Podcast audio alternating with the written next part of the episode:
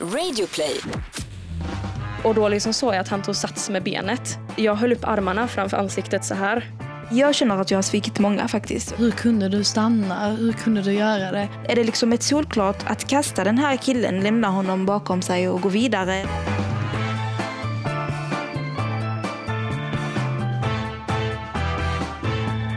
Tjo, du lyssnar på avsnitt 24 av podden Honey and the Bees. Hej säger jag till Andrea. Hej Lina. Du är här igen. Ja. Du var här för några veckor sedan va? Ja. Är du redo? Ja, jag är redo.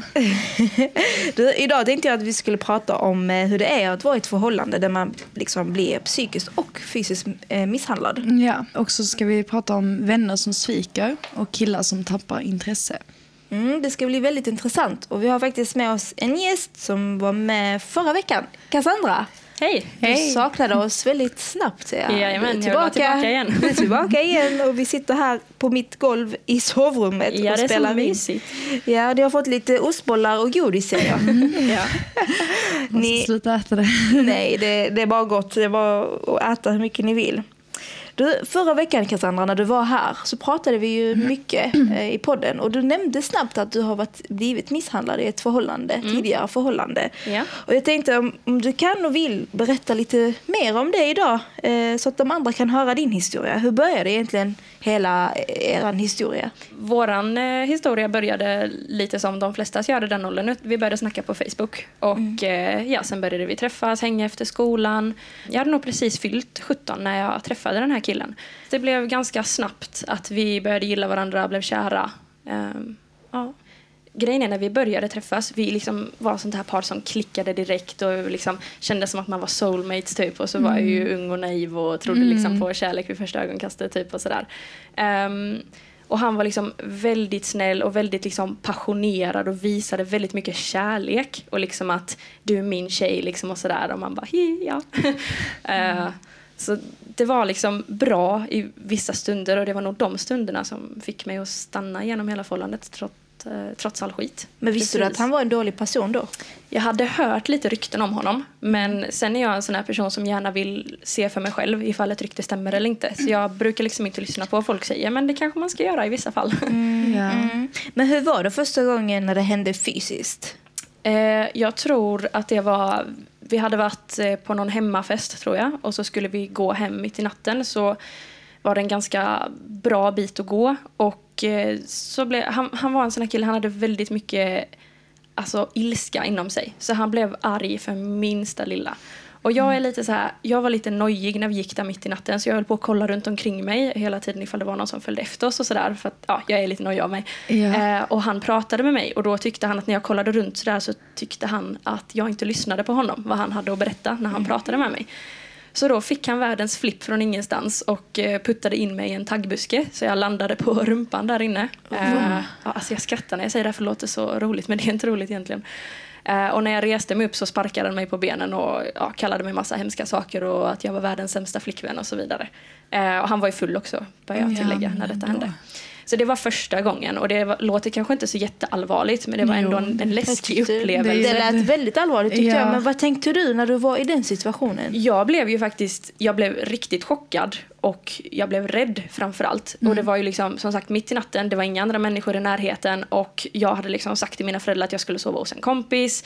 Jag kunde liksom inte ringa dem och be dem hämta mig Nej. och sådär så att jag hade liksom inget annat val än att faktiskt ändå följa med honom hem. Den morgonen, liksom dagen efter att han misshandlade dig första gången. v- Vad hände den morgonen? Liksom, sa han förlåt? Eller hur fick han dig att ändå Stanna. stanna? Nej, det var så här att jag, jag förväntade ju mig en ursäkt. För jag tänkte ju liksom att ja, men han var full och han liksom sådär, då kan man ju överreagera och så. Så han, han kommer säkert säga förlåt.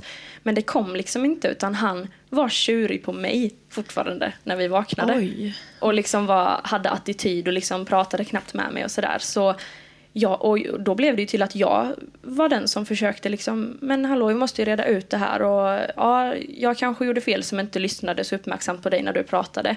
Men i- du kan ju inte göra sådär mot mig och jag var ju väldigt försiktig när jag pratade med honom också för att det var ju så pass långt in i förhållandet så att han redan hade börjat bryta ner mig lite. Så att jag vågade liksom inte, Åh, är du helt dum i huvudet? Eller man, slå, alltså man slåss inte. Jag vågade inte säga något sånt för då trodde jag liksom att han skulle, ja kanske göra slut med mig eller göra något ännu värre. Du var nog rädd, ja. Ja. Men eh, alltså, du fortsatte, efter den här natten, fortsatte du vara tillsammans med Mm, honom? jag fortsatte. eh, För att när detta hände, det var ju... eh, Alltså när han började visa sina dåliga sidor, då var det kanske tre månader sedan jag lärde känna honom. Men detta hände ju ännu längre in. Jag minns inte riktigt hur långt in, så då var jag ju riktigt kär i honom. Och han är en väldigt så här manipulativ och han är Alltså han är så social och trevlig och sådär så att alla älskar honom. Alltså ingen, de som inte vet hans eh, Ja, mörka sida. misstänkte. Mm. Så um, då var jag ju riktigt, riktigt kär i honom och det var väldigt svårt att lämna. Och jag trodde ju på det han sa till mig att allting var mitt fel och att det var jag som var dålig. För han manipulerade mig på det sättet. Att han faktiskt var en ganska Började han instabil med person. psykisk misshandel innan det, börj- fysiska? Det började med eh, psykisk först, ja. Eh, och då var det, alltså det var kanske inte psykisk misshandel från början utan det var väl mer så här att han, han blev sur på mig för allt möjligt och fick mig att få dåligt samvete för minsta lilla jag gjorde. Och alla bråk vi hade, även om det faktiskt var hans fel, typ 99% av gångerna. Så lyckades han vända det. Precis, att det var mitt fel. Men när hände det andra gången då? Efter det? Alltså var det lång tidsperiod eller? Ehm, nej, det var kanske några veckor eller ett par månader. Jag minns inte riktigt. Nej. Men eh, ja, det var, det var ju liksom lite senare igen. Och då mm, var det att vi stod utomhus på en hållplats. ehm, och vi började bråka om någonting. Jag minns faktiskt inte ens vad så liten grej var det. För att det var alltid små grejer och det var han som började bråka alltid. Eh, och då stod vi där och liksom skrek på varandra. Och då var jag ganska trött på hans utbrott för allting hela tiden. Så att då var det liksom att jag skrek tillbaka den här gången. Liksom, och tog inte hans skit. Eh, och så stod vi liksom och bråkade så länge så att jag till slut satte mig ner på marken för jag orkade inte stå upp. Det var sommar ute så jag satt liksom eh, på rumpan med uppdragna knän om ni fattar vad jag menar. Och, eh, och när jag käftade tillbaka mot honom då så sa han till mig håll käften annars sparkar jag dig i huvudet. Eh, och, då, och då var jag så pass liksom upprörd och triggad så att jag sa liksom ja men gör det då. Och då liksom såg jag att han tog sats med benet. Så jag, skyd- jag höll upp armarna framför ansiktet så här. Eh, Liksom rent instinktivt, för jag tänkte han kommer sparka i huvudet för det var det han sa. Ah, ja. Och när han då sparkade då träffade han revbenen. Eller alltså han sparkade mot revbenen för han såg ju att jag tog upp händerna. Så då hamnade det där för de var ju helt oskyddade. Och han hade ju liksom typ Converse på sig, de är ganska hårda där fram så det gjorde ja. ju rejält ont. Och det var inte så att jag bröt något revben eller så. Eh, men jag fick ju blåmärke och det gjorde ju liksom lite ont. Eh, men mest, alltså, mest är det ju inte den fysiska smärtan utan det värsta är ju att man blir så sviken av en person som man faktiskt är kär i och som man trots allt älskar. Det är det som är så läskigt att eh, när killen börjar visa eller personen börjar visa de här tecknen så är det ju oftast när man är, redan är fast och är jättekär. Precis.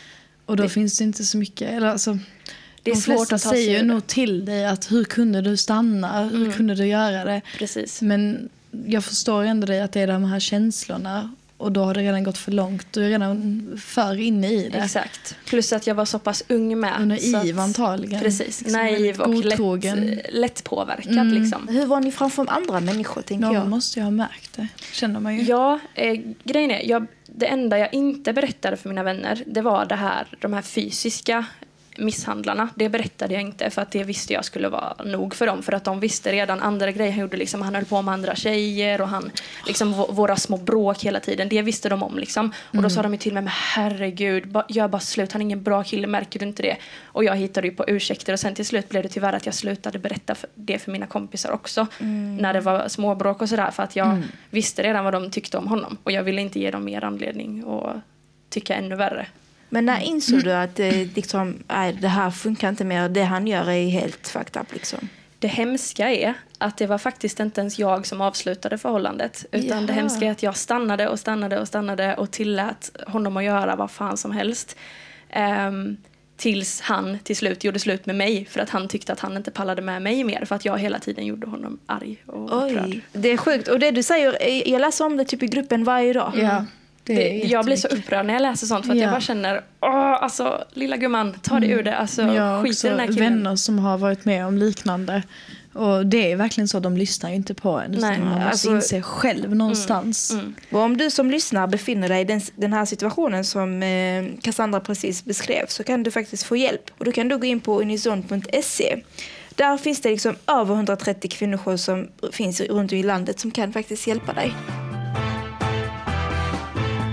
Och nu tjejer tänkte jag att vi kunde prata om en grej som jag tror faktiskt alla 100 000 medlemmar i gruppen har varit med om. Och även de som lyssnar. Det är ganska vanligt. Det är nämligen falska vänner. Eh, en tjej har skrivit in till eh, gruppen Han in the Bees och frågat liksom, hur ska man förlåta en vän som har varit falsk? Eller blir det svårt att ens kunna lita på den här vännen i framtiden? Alltså så här man skulle förlåta den vännen. Det beror ju lite på hur, hur falsk den har varit. Och vad, alltså vad det är Mm, det för också. nivå på falskheten som Ja. den Men har du något exempel? Nej, men jag tänker så här. Folk älskar att snacka skit. Mm. Det vet vi ju. Eh, och om en vän skulle till exempel snacka skit om mig till någon och så får jag reda på att den har gjort det. Det beror såklart också på hur nära vänner vi är. Det är en väldigt bra vän och den har gått och snackat skit om mig. Ha det. man alltså, jag känner lite, chockad. va, varför ska en bra och nära vän till mig snacka skit om mig? Jag behöver inte sådana vänner i mitt liv. Men sånt är också lite svårt för det blir ord mot ord. Då kanske det är någon som kommer och säger till dig, ja, hon sa det här och så säger hon, nej jag sa inte så utan det var så här det gick till. Det blir också lite ord mot ord. Ja, det är sant. Men om man, man kan ju få bevis på det till exempel om man har berättat en hemlighet till en vän och så får man reda på att den har gått vidare. Mm, då bra. vet man ju verkligen att ja, men då kommer det från den här personen. Mm. Och då skulle jag ju absolut aldrig kunna lita på den personen igen. Men får alltså, en bästa vän inte säga någonting, liksom, nå, nå, alltså något skitsnack överhuvudtaget tycker ni? Nej, det tycker jag inte. Jag Men, tycker men om hon tycker att du har en ful tröja då? Ska Nej, då kan hon ju säga det till mitt ansikte. Så känner jag. Ja, med med ja. sina bästa och närmsta vänner, då ska man kunna vara ärlig och öppna med allt. Och då ska man kunna säga det liksom face to face. Ja, alltså inte för att jag hade blivit så jätteupprörd om min bästa kompis hade sagt att min tröja var ful så eller så. onödigt, men, känner men det som spelar någon roll, det är det, det som är oärligt i det. Liksom. Att Mm. gå bakom min rygg och snacka om att min tröja är ful till någon annan. Alltså va? Det är så hade jag, onödigt. då hade så jag nog bara trott att personen var svartsjuk faktiskt. Eller avundsjuk menar jag. Ja, men det är så är bara- onödigt. Det är sån himla högstadienivå. Mm. Liksom, och då, det, det hade fått mig att ifrågasätta vad min vän egentligen är för en person. Ja. Alltså, jag har varit med om eh, väldigt många fall, men jag vet att det finns väldigt mycket fel i mig själv som person. Att jag kan vara liksom ibland... Jag kan inte klicka med vem som helst. Och då har det blivit att man har gått från ett gäng till ett annat och sen kanske inte hittat sig själv. Men eh, alltså, de gångerna jag har blivit sviken, det har väl mer varit så att bara för att jag kanske, om, om ett tjejgäng vill gå ut och jag har tackat nej kanske två gånger i rad så har man bara uteslutit mig från liksom, att fråga mig ytterligare en gång. Trots att man vet att jag har mycket att göra i mitt liv och så, så har man liksom inte sett upp till det eller frågat. Ja, men, eh, det handlar om att bara fråga, även om jag vet att om du Cassandra, om jag och du umgås, så jag vet att du inte kan på fredagar och träffas. Och, och, vi, och jag och Andreas ska träffas så hade jag ändå sagt till dig, men Cassandra, eh, Säkert att du inte kan. Ja, Mm. precis. Jag hade inte bara, men skitsamma Andrea, Cassandra kommer ändå inte komma Mm. för att hon har sitt liv. Jag, jag, tyck, jag gillar inte sånt, för jag menar... Nej, det man- är såna här utfrysningsmetoder lite grann. Som Precis. folk inte reflekterar så mycket över utan de bara gör och tänker inte på att det Mm. kan såra även om de inte kanske menar det. det har varit mycket negativitet i olika liksom, kretsar som jag har varit i. Det har varit att man, det är mycket så här skitsnack som pågår i en ond cirkel. Ja. Och då tänker jag, men vad sägs om mig när jag går Ja, härifrån? visst, det tänker man. För det känns som att många av oss, dagens tjejer, omgås med personer trots att vi vet att de snackar skit om andra, mycket om andra. Och vi vet inne att de säger någonting om oss också. Men ändå stannar vi kvar i den vänskapen. För att vi är så Alltså vi har ett stort behov av att vara liksom sociala. Men hur, lång, alltså hur långt ska det gå för att liksom... Det är ju det som är ett stort dilemma ofta. Att man Exakt. tänker liksom, ska jag be dem dra åt helvete?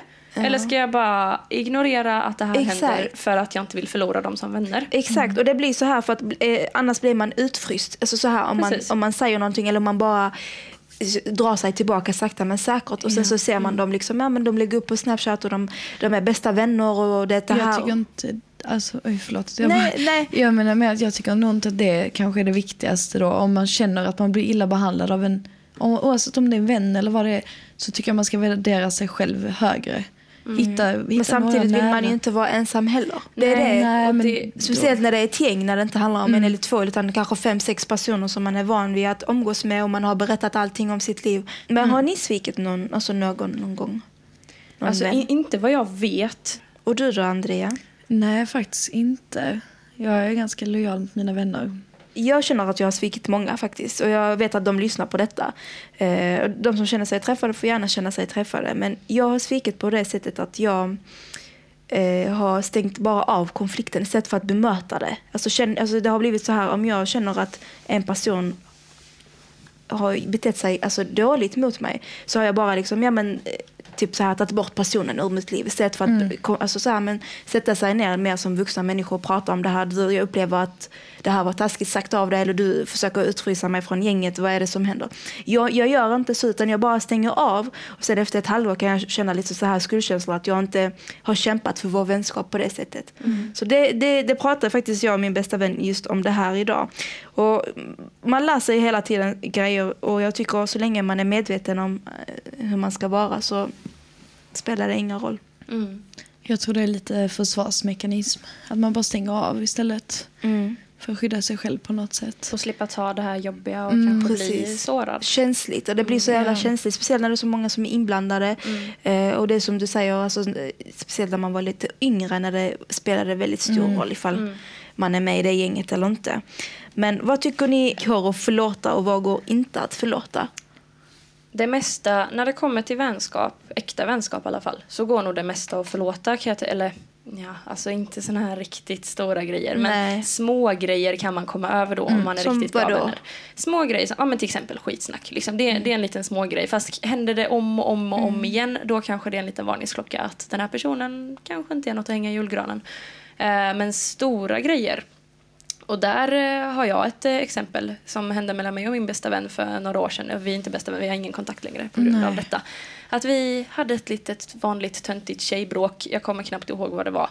Det blev missförstånd lite sådär. Och det slutade med att hon sa en hel radda med rasist, riktigt grova rasistiska grejer till mig. Och då var det bara out of my life. Alltså. Jag Ja, förstår det. det är förstår. det har jag också faktiskt erfarenhet av. Mm. Eh, en killkompis, jag var, väldigt bra, jag var väldigt bra vän med honom. Och så började jag hänga med en uh, utländsk tjej. Och jag tog med henne till en fest där han var. Och han var jättefull. Och liksom, han hade aldrig uttryckt något rasistiskt tidigare. Men han började liksom slänga ur sig jätterasistiska saker eh, om henne, framför henne, fast till mig då. Där jag säger till honom. Och sen började han bråka med mig om det här och började, gjorde världens eh, kaos på den här festen. Och sen dess har jag ju inte pratat med honom. Men då var det bara bye bye för mig. Helt rätt. Ja. Verkligen. Okej tjejer, jag tänkte att vi kunde ge lite tips och råd till eh, en tjej som har skrivit till gruppen Honey and the Bees. Det är så att hon, den här tjejen beskriver att hon är kär och tillsammans med en kille eh, men hon uppfattar honom som att han inte är lika kär i henne trots att han ändå är en bra kille, han tar hand om henne, han har av sig och så. Men känslomässigt så verkar det vara inte riktigt helt okej. Okay. Hon känner helt enkelt att det inte är ömsesidig kärlek på det sättet känslomässigt.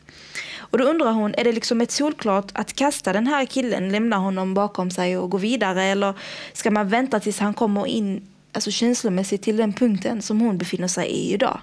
Vad tycker ni? Hur tänker ni kring det, Andrea? Uh, ja, jag tycker det beror lite på hur länge han har varit så här avtrubbad känslomässigt som hon skriver. Alla har sina perioder där man är mer eller mindre liksom känslosam och man kanske går igenom andra saker och har mycket annat att tänka på. Och då blir man ibland automatiskt lite avtrubbad känslomässigt.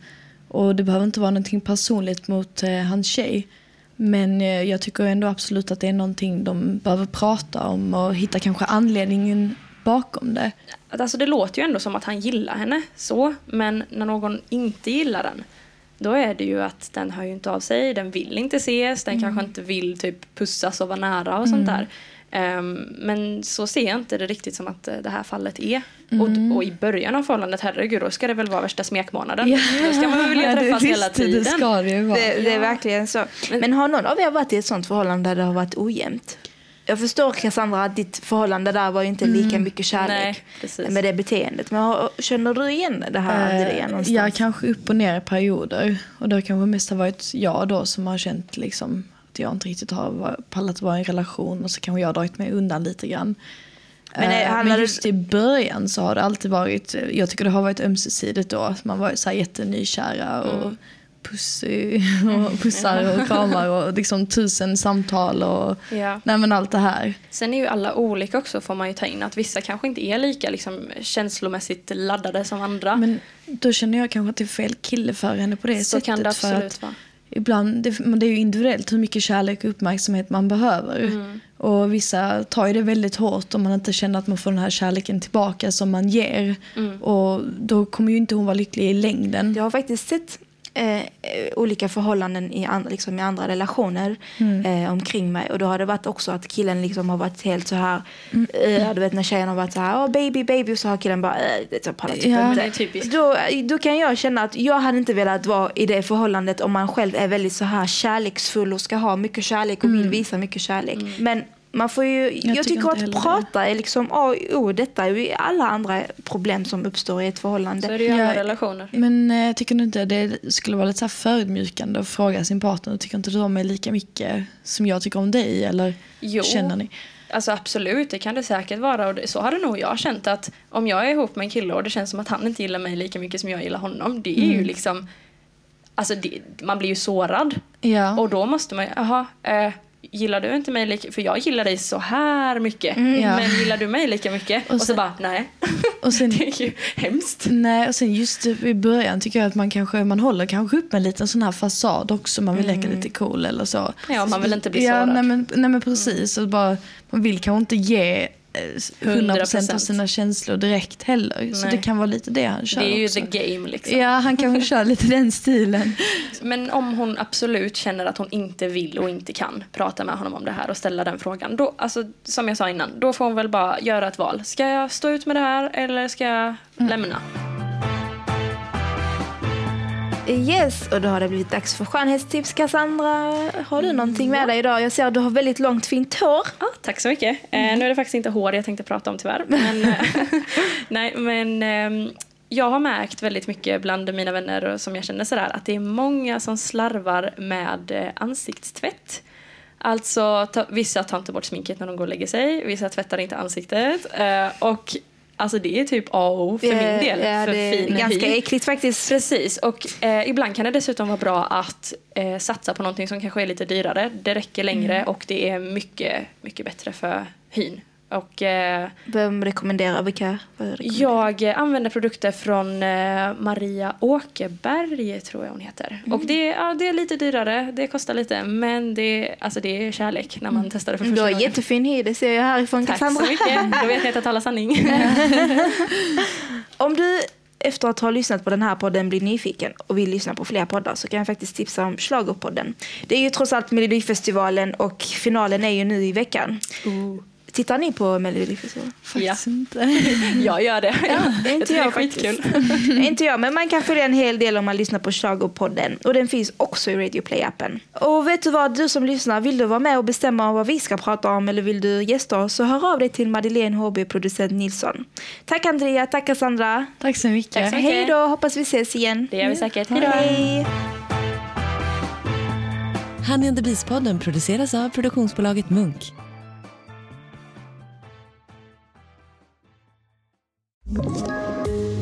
Poddtips från Podplay. I podden Något Kaiko garanterar östgötarna Brutti och jag, Davva, dig en stor dos skratt. Där följer jag pladask för köttätandet igen. Man är lite som en jävla vampyr. Man har fått lite blodsmak och då måste man ha mer. Udda spaningar, fängslande anekdoter och en och annan arg rant. Jag måste ha mitt kaffe på morgonen för annars är jag ingen trevlig människa. Då är du ingen trevlig människa, punkt. Något Kaiko, hör du på Podplay. Därför är gardinerna.